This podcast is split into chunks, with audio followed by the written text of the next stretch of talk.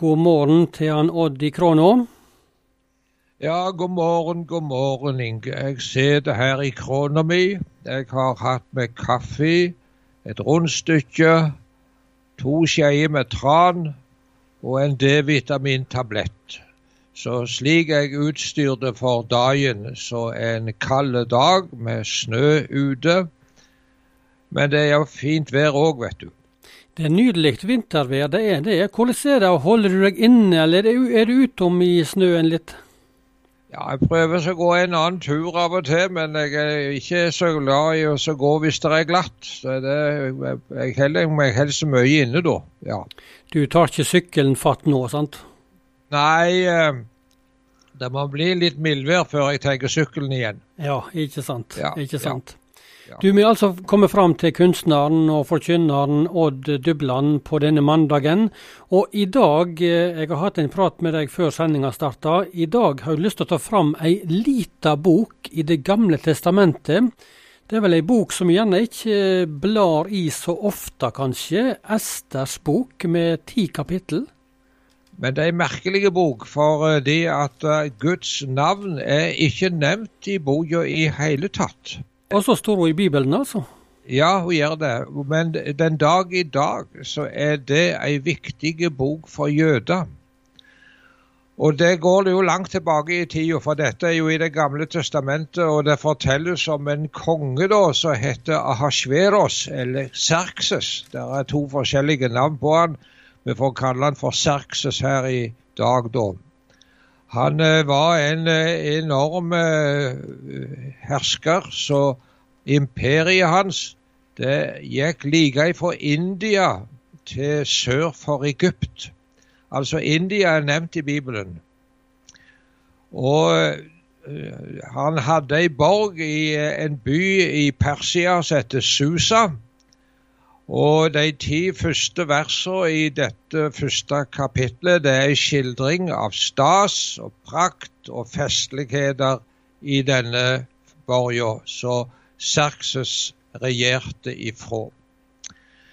Nå hadde han òg ei dronning som het Vasti. Og denne dronninga hun var, ville ikke ha, være sammen med kongen en dag, og det ble, falt ikke godt ut, og han sendte henne ifra seg. Hun hadde fornærma kongen.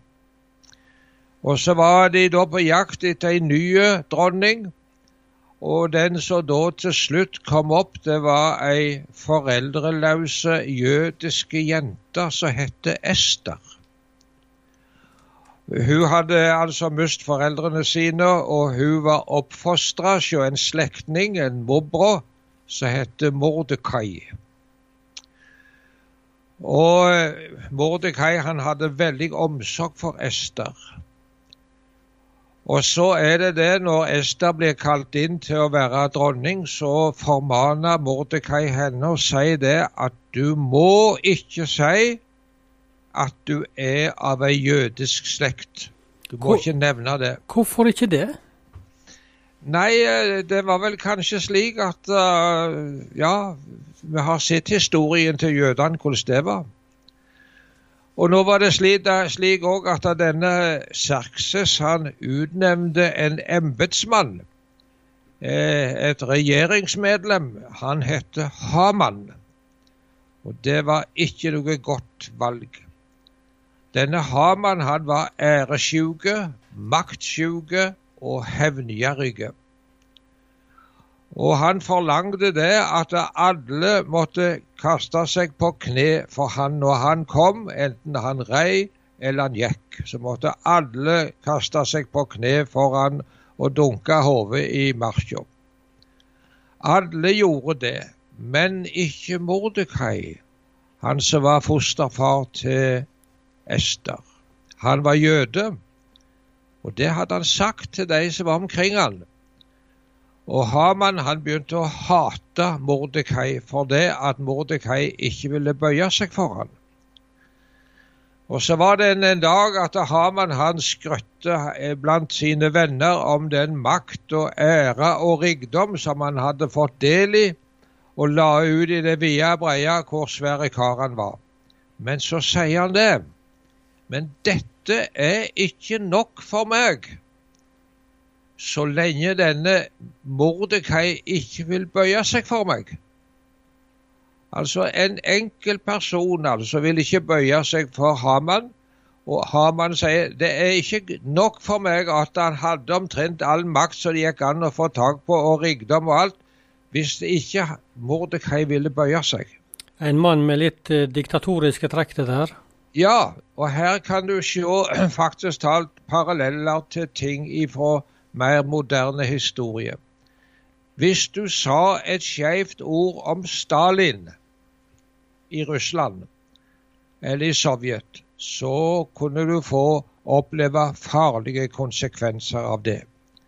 Hvis du sa noe og kritiserte Mao i Kina, så er det ikke sikkert at du fikk beholde livet. Og hvis vi går til vår tid, i Korea med han Kim, hvis du kritiserer han, så er du i en livsfarlig situasjon. Og Det som er det underlige, det er at diktatorer har gjemt milliarder i banker i andre land. Det er liksom ingenting har vært nok for dem. De tåler ikke den minste opposisjon, og slik var det med denne Haman. Og så er det at han ville gjøre ende på Mordekai og ta livet hans. Han lager til en svær galge der han skal henge Mordekai. Men ikke nok med det. Siden Mordekai var av jødisk slekt, så ville Haman ta livet av alle jødene i dette veldige riket. Her har vi altså et holocaust som nevnt i Det gamle testamentet. Men nå var det òg slik at Mordekai han hadde en gang gitt et tips til kong Serkses, der de hadde forhindra et attentat imot kongen. Og dette hadde de skrevet ned i ei bok. Og så var det en natt at Serkses ikke fikk sove. Og da var det det han forlangte at de måtte finne fram noen bøker og lese litt for han. Og da leste de om det at Mordekai hadde gitt et tips til kongen om et attentat som eh, kunne komme. Og da var det Serkses spurte hva ære har Mordekai fått for det. Nei, han har ikke fått noen ting, sa de. Og da er det at uh, han sier det, kongen, da, at uh, Mordekai han skal komme til store ære. Og da var det Haman forsto at nå var det farlig. Og Ester hun uh, vågte livet sitt og sa det til slutt da til kongen at hun var av jødisk slekt, og at hun sto i fare for å bli tatt livet av hun òg hvis at Haman sin trussel kom til å settes i verk. Men Ester hun var altså da kommet inn på kongens slott og blitt gift med kongen, var det så? Ja, ja, hun var dronning. Ja. Og det var det at hun sto i fare sjøl òg for å bli, uh, miste livet, siden alle jøder skulle tas livet av. Men da er det Mordekai sier noe til henne.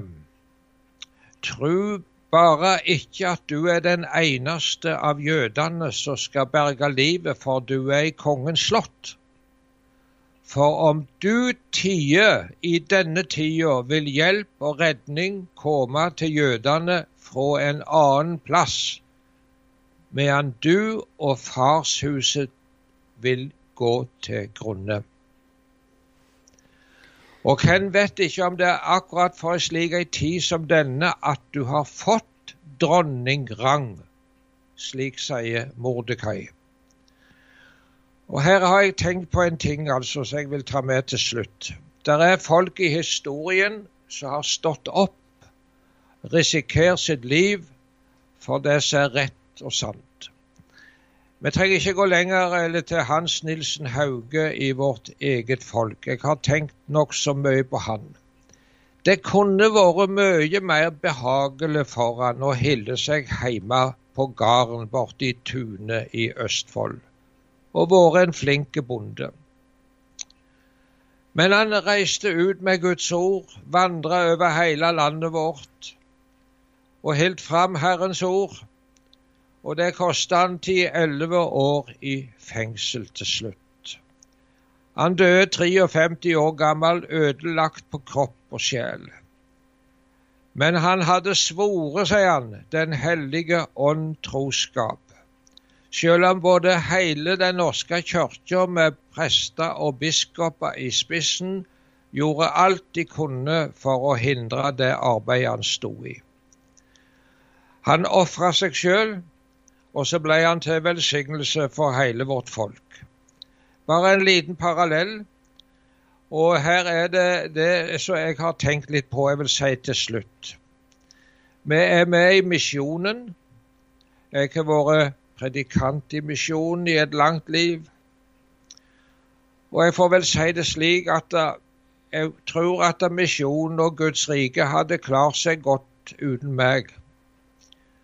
Men eh, jeg vet ikke hvordan det hadde gått med meg og mitt åndelige liv hvis jeg hadde svikta på den plass jeg fikk være. Det har jeg lyst til å understreke, Inge. Jeg tror misjonen og Guds rike kunne klart seg godt uten meg, men det hadde ikke gått så godt for meg hvis jeg ikke ville gå inn i den gjerning som jeg følte at jeg var kalt til. Det er en ting til oss alle, det. Du, Er denne historien om kong Ester er det en historie som handler om uh, truskap? Er det et stikkord her?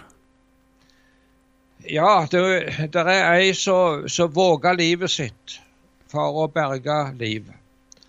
Og eh, selv om Esters bok, i den boka i Bibelen, er ikke Guds navn nevnt i hele tatt, så ser du allikevel Guds fotspor på mange vis. Det er en vanskelig bok, det er mye brutalitet i den. Men de fleste har en bibel, og, kanskje i dag kunne finne fram den boka der i Gamle testamentet som heter Esters bok. Og det er en merkelig bok. Og er ikke så lang og veldig interessante. Det var bare noen tanker som jeg hadde i dag.